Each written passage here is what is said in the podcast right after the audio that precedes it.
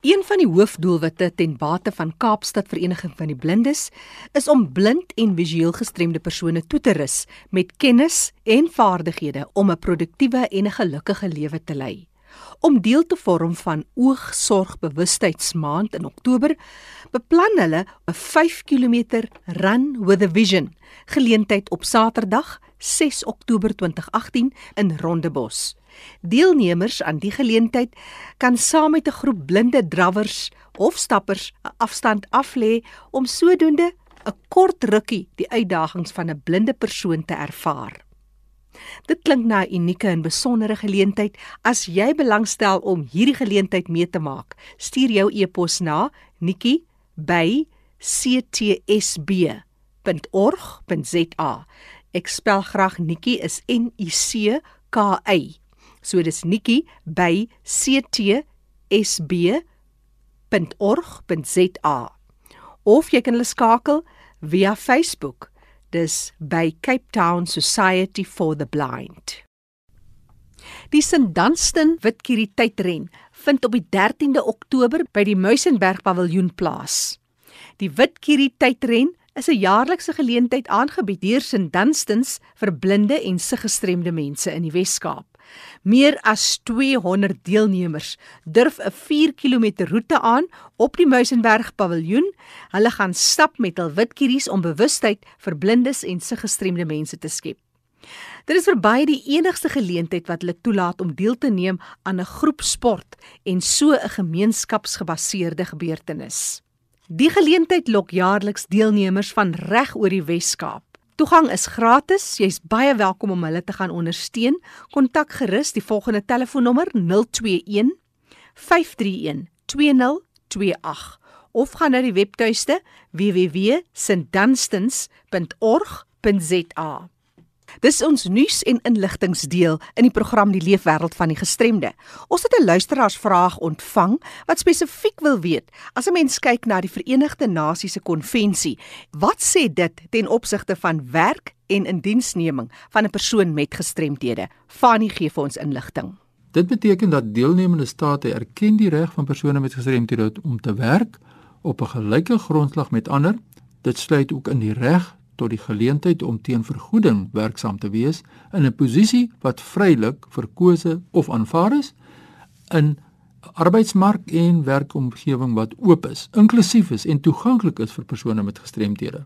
Nou deelnemende state, dis nou Suid-Afrika wat hierdie VN-konvensie onderteken het, sal die verwesenliking van die reg om te werk beskerm en bevorder, ook vir diegene wat in die uitvoering van hul pligte gestremd raak. Nou dan gee die VN-konvensie 'n aantal riglyne en aspekte wat dit insluit, so ek hoop ons beantwoord hierdie vraag. U kan gerus naslaan by die VN-konvensie oor die regte van persone met gestremthede. Fanny de Toey wat ons inlig presies wat die Verenigde Nasies se konvensie hieroor te sê het. Dit dan ons nuus en inligtingspulsatie. Onthou jy is baie welkom om te laat weet wat in jou geweste aangaan.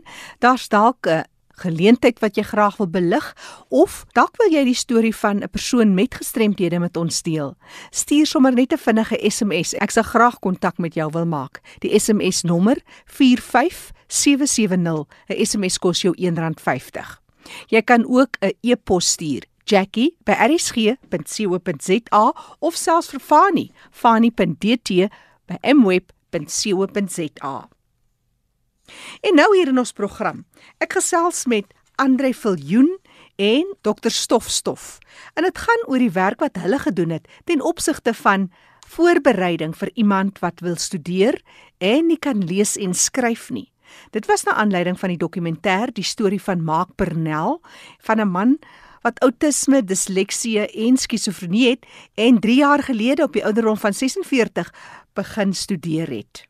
Maak se vrou Martie was baie ondersteunend en is steeds ondersteunend met sy studies en alles in sy lewe. Ek gesels eers met Andre Viljoen. As 'n mens studiemateriaal moet voorlees, soos met enige ander ding in die lewe, is daar seker eers 'n paar riglyne wat jy vir jouself moet uitwerk en partykeer struikel jy die eerste paar keer Wat is van die idees as as ek dit nou wil doen of iemand anders wat nou luister wil dit graag vir hulle doen? Wat is die paar idees wat jy nou self moes leer wat jy miskien in jou 20ste blaai ingegaan het en later word dit mos nou makliker, maar wat is van daai begin goed wat jy sommer vir mense wil idees gee hoe om te lees? Oh, jou stemtoon moet in die eerste plek reg wees. Uh ek het dit 'n paar keer uh gedoen en weet weer oor gedoen uh omdat ek nie tevrede was met hoe my stem deurgekom het nie, het natuurlik die regte uh mikrofoon nodig en program om om die opnames mee te maak wat die klank reg deurbring en en en. Maar met die lees self dis maar net ek geniet Engels, ek hou van lees en om dit nou net verbaal te doen om iemand te help. Dis maar net daai bietjie passie. Toewyding. Ja, wat En ek het nog nie vermaak geken toe stof my ge, genader het nie. Maar de, net om iemand te kan help. En ek het ook 'n uh, uh, uh, sagte hartjie. So ja, dit was my voorreg. Ja, 'n groot ou met 'n sagte hartjie. Nou Andre, 'n ander ding wat 'n mens as jy lees, ek dink praat nou om met ons op radio gesels, maar mens kom gou-gou agter as iemand se gemoedstoestand dalk bietjie swaar is. Het dit jou beïnvloed dat jy eers 'n uh, moes stil raak of dat jy net eers jou kop moet regkry? Is daar enigiets van daai wat as jy byvoorbeeld nou hartseer was of kwaad was of wat ook al was, hoe het jou gemoedstoestand lees beïnvloed of vind jy dis nie 'n faktor nie? Nee, dis definitief 'n faktor want dit kom deur in jou stem en dit kom deur in jou hoe jy dit oordra. So ja, nee, kyk as as daar iets geplaai het of iets dan het ek maar gestop, koppie koffie gaan drink, 'n bietjie miskien gaan fietsry en dan teruggekom en ek het aangegaan. Mm. En ja, dit vat baie konsentrasie, jou brein raak moeg. So jy moet mooi konsentreer die hele tyd. En om nie woorde weer deurmekaar te gooi en daai nie maar ja, dit vat konsentrasie en jy moet moet hard werk daaraan. Andre Viljoen. Hy het al die studiemateriaal vir Mark Pernell opgeneem en dit was deel van die groot sukses. So hy het nou sy studie voltooi met die hulp van die werk wat Andre gelees het. Jy as mentor, wat wat is die volgende want toe nou vorentoe? Die kursus wat hy nou doen, Basic Concepts Course, sê eintlik alles. Dit gee 'n grondige fondament wat hom toelating kan gee tot latere gespesialiseerde studies waarin hy in 'n vak van sy keuse sou kon spesialiseer en uiteindelik ten volle bedieningsstatus ook kry. Daarom is ek so dankbaar dat hy begin het by die basis en wil seker maak wat hy vorentoe studeer gebaseer is op 'n grondige kennis sodat hy kan gaan ook met die intellektuele en die verantwoordelikheid om mense nie te mislei nie want hy is baie baie sensitief om van die aard van sy roeping nie 'n dwaalprediker te wees nie, maar iemand wat goeie nuus bring. Nou, na aanleiding van die kursus wat hy gedoen het, alles op bande opgeneem, uh MP3, hoe het hy eksamens afgelê? Ek kom van tyd tot tyd na hom toe as hy gereed is dan dieselfde eksamen min of meer wat skriftelik of aanlyn deur ander studente gedoen het, doen ek dan verbaal met hom en dan toets ek ook vir hom in die konteks van die werk ek sal vir hom vra nou het jy vir my dit gesê. Die antwoord is reg. Hoe gaan jy dit toepas? En sy insig in hoe hy dit gaan toepas verstom my keer op keer. So dit is verbale eksamens rondom hierdie pragtige eetkamertafel waar ons nou is het ons al baie ure deurgebring in eksaminering mm -hmm. dis so nou stof Jy is 'n groot filantroop, jy's 'n predikant, jy's 'n gemeenskapswerker, alles in een. Dit was een persoon se lewe wat jy verander het en jy het vir hom al hierdie amper wil ek sê al die bestanddele gegee om hierdie wonderlike resep uiteindelik voorgesit. Hy blom vandag soos jy dit ook stel. Hoe prakties is dit om dit deur te trek na mense met ander gestremthede? Omdat uh, een van my spesialiteite is die geestelike versorging van psigiatriese en getraumatiseerde pasiënte, bring ek baie tyd by Weskoppies en Sterkfontein deur en dan by Steve Biko Hospitaal se psigiatriese eenheid. En dit is vir my dus belangrik om te kan sien dat waar die psigiaters die chemie hanteer, moet ons ook die volledige mens herstel. Dit help nie ons het na die tyd 'n persoon wat chemies herstel het, maar nie in die gemeenskap kan funksioneer nie. Gees, intellek moet alles opgebou word. Daardie liefde van ek kan jou in die oë kyk en sê ek aanvaar jou onvoorwaardelik ongeag wat jou gestremdheid of wat jou diagnose is. Want as 'n persoon nie goed voel oor homself nie, wil hy nie rehabiliteer nie want die gemeenskap se stigma druk hom af. En dit is waar ons 'n klein spannetjie is wat intensief moeite doen om aan die menswaardigheid deel te werk sodat elke gestremde en elke psigiatriese pasiënt en elke getraumatiseerde mens, elke gestigmatiseerde die kans het om uit te kom, hoe uit te kom en volwaardig sy skepingsdoel te kan nakom. Na aanleiding van sy studies as jy nou kyk na die persoon um, hulle gee altyd as jy nou TV kyk of of 'n huis oordoen 'n before and after. Wat is vir jou van die wonderlike van die van die persoon wat maak nou is na aanleiding van hoe hierdie studies hom verander het? Ja, dit is moeilik om te sê want die mens sien elke dag die verandering en jy raak so gewoond daaraan dat jy nie meer terugdink aan al die swaar en moeilik verstaan. Ek het nie sy taal verstaan nie. Ek het nie verstaan hoekom trek hy altyd gordyne toe en hoekom kruip hy altyd weg en wil hy nie by mense wees nie. En met verloop van tyd het ek nou gehoor wat aangaan, maar die grootste verskil het ons by hierdie studies gekry. Hy kon maar net altyd sê hy het toe hy klein was op Here se skoot gesit en hy was toegewy om kerk toe te gaan. Maar ek het rondgespring na kerke net om te kyk of hy net bietjie uit sy dop gaan kruip nie. Nou praat hy vrylik en wil hy net al die tyd die Here se naam verheerlik. Die stem daarvan Martie Pernel, dis die vrou van Maak Pernel. Dr Stof Stof het ook saamgesels en die voorleser en studiemateriaalversorger Andre Viljoen. As jy kontak wil maak met Stof, dis dokter Stof Stof. Hy werk daar by die Weskoppies en ook die Steve Biko Akademiese Hospitaal vir mense wat getraumatiseerd is as gevolg van ongelukke, rehabilitasie en so meer. Kan jy hom kontak op die volgende telefoonnommer: 083 754 8085. Jy kan ook 'n e-pos stuur na bedien@stof.co.za.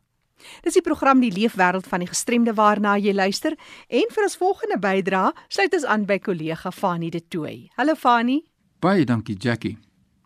Vandag gesels ek met Elmien Grobbelaar. Welkom by RC Elmien. Baie dankie Fanie, lekker om hier te wees. Elmien, jy's betrokke by die Weskaapse Vereniging vir persone met gestremthede, is dit reg? Dit is korrek. Vertel my 'n bietjie meer oor die vereniging. Waar is julle geleë? Ehm um, ons kantoor is geleë in Milnerton, maar ons is dan nou ook die provinsiale kantoor wat ondersteuningsdienste lewer aan 26 van ons takke wat reg oor die Wes-Kaap versprei is en dienste lewer aan alle persone met verskillende gestremthede. So as iemand aan julle toe kom, dan verwys julle as julle nie aandag self aan die persoon se gestremdheid kan gee nie. Dit is korrek, ja en families ondersteuning. Familieondersteuning, ons het maatskaplike werkers in diens wat dan nou ook uitgebreide dienste net aan die persoon met gestremdheid lewer nie, maar ook aan die hele gesin en en die gemeenskap selfs. Nou kom ons vandag gaan gesels met jou hoofsaaklik gaan oor ouerskap, kinders met gestremthede want jy's regstreeks geraak deur gestremdheid in jou eie huis en jou eie familie. Kom ons praat 'n bietjie daaroor. As ek dit reg het, jou seun is gediagnoseer op 'n 14-jarige ouderdom met gehoorverlies. Hoekom is op 14 jaar? Weet jy SP is gediagnoseer met outosklerosis. En hierdie is losweg in leuke terme beteken dit dat die beentjies in die middeloor nie meer die klank gelei nie as gevolg van oormatige beengroei.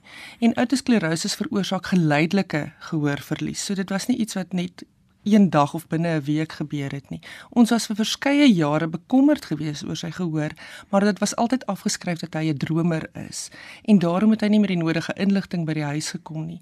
Maar op 14 jarige ouderdom kon ons absoluut begin sien dat daar is 'n impak op sy um, interaksie met ander kinders en dat hy byvoorbeeld nie meer wou koor sing nie en dat hy vir ons vertel het dat hy nie klanke buite sy ore hoor nie, maar dat dit binne in sy liggaam is. Daar is baie ouers wat luister vandag. kom ons kyk nou 'n bietjie na ouerskap en op daardie spesifieke stadium. Kom ons praat eers oor die siekte toestand. Want ons weet nou 'n siekte toestand is nie 'n gestremdheid nie, dis die gevolge van 'n siekte wat dan vir 'n mens dan gestremdheid laat veroorsaak of nie. Maar dink julle uit die perspektief van die vereniging dat ouers is genoegsaam bewus van wanneer so iets op hulle pad kom. Het julle byvoorbeeld genoeg inligting gehad oor die toestand? Nee, ek dink nie ons het nie. En mens maak partykeer sta daarop om met ander persone soos onderwysers en so te gesels en te hoor of hulle iets optel en niemand het dit waargeneem in die klas nie omdat SP aangepas het by sy omstandigheid oor jare heen. So ek dink ook as ek vinniger op my eie intuïsie begin reageer het, sou ons vroeër agtergekom het dat daar wel al mate van gehoorverlies was op 'n vroeër ouderdom. Soos 'n terapeut sê jy vir ouers kyk na hulle intuïsie. Ja, beslis. En maak ook gebruik van meer as een spesialispersoon om te verseker dat die inligting wat jy kry korrek is. Nou toe jy nou hierdie simptome as ek dit nou so kan sê het nou begin waarneem en dit het nou die een ding lei op die ander, is daar 'n tydperk wat 'n mens in uh, as die Engels die populêre woord kan gebruik denial en is ontkenning as 'n ouer Ek dink beslis so. Ek bedoel die tekens was daar gewees. SP se televisie byvoorbeeld het al hoe harder geword ten spyte van die feit dat hy al hoe nader in die televisie gesit het. Hy het begin onttrek van sy vriende af want sy ervaring was dat niemand met hom gesels nie. Ons het geroep en geskree en hy het net nooit gehoor nie. So Ek dink daar was 'n tydperk van besliste denial gewees. En so word die wêreld al kleiner en kleiner vir die persoon of die kind met ja. gehoorverlies en nou praat ons nog ook van die kind. Nou so dis ontwikkelingsmylpale wat moet behaal word of wat bereik moet word en dit is 'n baie komplekse saak natuurlik gestremdheid by kinders. En uh, nou die volgende stap was natuurlik 'n gehoor toestel. Ja. Vertel ons 'n bietjie daaroor. Hoe het julle daardie stappe geneem? Ek dink dit was vir ons eintlik 'n groot verligting op die einde toe ons beslis gehoor het dat daar gehoorverlies is en dat dit aangespreek kan word deur vir hom gehoorstuk te gee. Die aanpassing was nie sonder struikelblokke gewees nie, want so opgewonde soos wat ons was dat hy kan hoor en dat hy nuwe klanke kan ervaar, was dit ook vir hom oorstimulering van klanke gewees en het hy selfs op 'n punt gekom waar hy in die klas opset sy gehoorstuk afgehaal het omdat die agtergrondsgeluide en al die geluide net vir hom te veel geraak het. Maar die die voordele was ook gewees die ongelooflike ervaring soos ek sê van daaglikse klanke wat hy of nie geweet het bestaan nie of net vergeet het van soos wat hy ontwikkel het. 'n Mooi voorbeeld is die dag toe hy sy gehoorstuk gekry het, toe hy die lugverkoeler in die audioloogse kantoor gehoor het wat altyd aan was en hy het met absolute verwondering gestaan en luister want hy het nie geweet daar is so suis geluid nie. Ongelooflik die impak van verlies op die mens en aan die kind in hierdie geval. Dis Jalmien Grobbelaar wat ons gesels in ons program oor die leefwêreld van die gestremde en dit is so lekker om te gesels met iemand wat regstreeks geraak word deur verlies en deur gestremdheid en jy het nou gesê dat dit ook 'n sosiale impak gehad het op SPS persone as seun en uh, die verskil wat die gehoorapparaat maak natuurlik nê nee, in die leefwêreld van hierdie kind. En die aanpassings wat jy nou by die huis moes maak is daar seker aanpassings? Want nou kan hy ewe skielik dinge hoor wat hy nie voorheen kon hoor het nie Fanie, ek dink eintlik die die lagwekkendste was toe ons begin agterkom het hoe hard ons in die gesin en in die huis met mekaar praat en dit die eerste ding was wat ons moes leer om sagter te doen want hy kan ons hoor. En soos ek vir jou gesê het, ons was so opgewonde dat dat hy kan hoor weer. Dat dit ons frustreer het as hy sy gehoorstuk by die huis afgehaal het. En daarom moes ons leer om sy privaat ruimte te respekteer want hierdie oorstimulering van klanke was regtig net vir hom te veel gewees en het dit amper weer gelei daartoe dat hy hom weer begin onttrek het. En nou dat hy die die spasie het om te weet hy kan sy gehoorstuk by die huis afhaal Hy moet ons net inlig daarvan sodat ons ook weet dit ons regtig die grootste struikelblok ten opsigte van dit oorkom in die huis. Ek wil iets vra van my kant af wat ek ook persoonlik ervaar het die moegheid wat 'n mens nou het as jy nie kan hoor nie, soos die tydperk toe ek nie kokleaire implanting gehad het nie en daarna nou toe kokleaire implanting ontvang het. Daar's 'n ander tipe moegheid. Vind jy ook dat daardie onttrekking lei tot 'n fisiese moegheid? Absoluut. Ons ons kon dit sien, soos ek sê daar was hierdie hierdie wonderlike fase en toe ewe skielik daai moegheid. En hy sê ook vir ons dat die klanke vir hom te veel raak met tye en en ons moet dit respekteer en vir hom daai stilte kan weergee. Ek dink jy die onderwysers byvoorbeeld by die skool waar hy nou is, verstaan daardie impak korrek en implementeer dit en het begrip daarvoor? Ons is regtig in die bevoordeelde posisie dat SP in die F Milan Hoërskool is wat regtig inklusiewe onderwys bevorder en het absoluut vir SP die ruimte geskep net voor hy sy gehoorstuk gekry het om hom regte plaas in die klas en hulle neem ook kennis van van sy behoeftes en van ander kinders se behoeftes in die skool ja. So as daar ouers is wat jou wil skakel, ons gaan net nou jou kontakbesonderhede deurgee. Ek dink daar's baie mense wat nou wil gesels met jou dat dit gaan oor verlies en die ouers se belewenis daarvan en die kind se belewenis daarvan en die span wat julle saam maak om die uitdagings dan aan te pak. Het julle soms 'n tydperk, jy is natuurlik nou maatskaplike werker, maar het julle tyd waar julle gaan sit en sê kom ons praat 'n bietjie oor die impak. Hoe maak hy oop?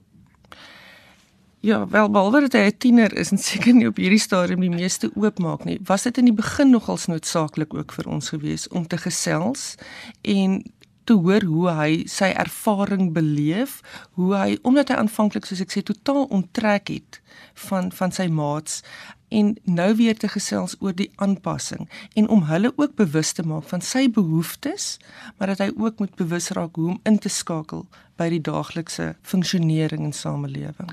Hoe sê jy sê as 'n ouer dink jy die groot mense pas moeiliker aan en die kinders, die jong mense makliker of is dit andersom? Ek ek dink my seun het maklik aangepas in die sin dat dat ons hom kon begelei en nie gefokus het met hom op dit wat hy verloor het nie, maar op die ander manier waarop hy die lewe sal moet aanpak, sal moet bewus raak van sy omgewing, maar 'n ouer ervaar verlies. Dit was vir my ten spyte van die feit dat ek maatskaplik by 'n organisasie doen wat dienste lewer aan persone, was dit vir my regtig 'n verlies aanvanklik. So lekker om jou te gesels en dankie dat jy jou hart bietjie oopmaak met ons uit 'n ander perspektief uit as iemand wat as 'n ouer wat regstreeks daardeur geraak is en ek dink as 'n mens moet kan saamvat in ons gesprek. Dit is 'n suksesverhaal vir my en uh dit is wonderlik dat ons die verantwoordelikheid moet kan opneem om die gemeenskap in te lig. Wat sou jou boodskap wees? Wat sê Almin Grobbelaar vir die gemeenskap sê wat nou luister vandag? 'n ouer wat miskien nog worstel, miskien dalk nog 'n ontkenning is, wat sal jy sê is 'n samevatting van jou ervaring? Ek dink dit was vir my ongelooflik om die pad te stap en te sien dat ek nie moet fokus, soos ek sê, op die verlies nie, maar op die moontlikhede wat daar vir hom bestaan. En vir ander kinders met gestremthede is dat hulle ons moet ophou vaskyk in dit wat nie gedoen kan word nie, maar juis in dit wat hulle wel in staat is daartoe. En weer ouers maak op jou eie intuïsie staat. Ja, kom na vore so vinnig as moontlik ja. want hoe gouer die probleem geïdentifiseer word of die uitdagings, hoe makliker kan 'n mens dit aanspreek. As mense jou wil skakel eerstens by die vereniging, as daar mense is wat nou luister wat dalk iets vra het oor gestremdheid self. Waar kan hulle jou kry by die vereniging? By die vereniging, ons kantoornommer is 021 355 Raaf ons daai nommer. Dis 021 355 Dis nou die vereniging vir persone met gestremthede in die Weskaap en as daar mense is wat jou persoonlik wil kontak oor jou lewenservaring, kan hulle selfe kontak besonderhede kry. Hulle kan dieselfde, ja. Nou gee ons net weer vir ons uit kontak besonderhede. 021 355 2881. Nou dis die mening van Almin Grobbelaar.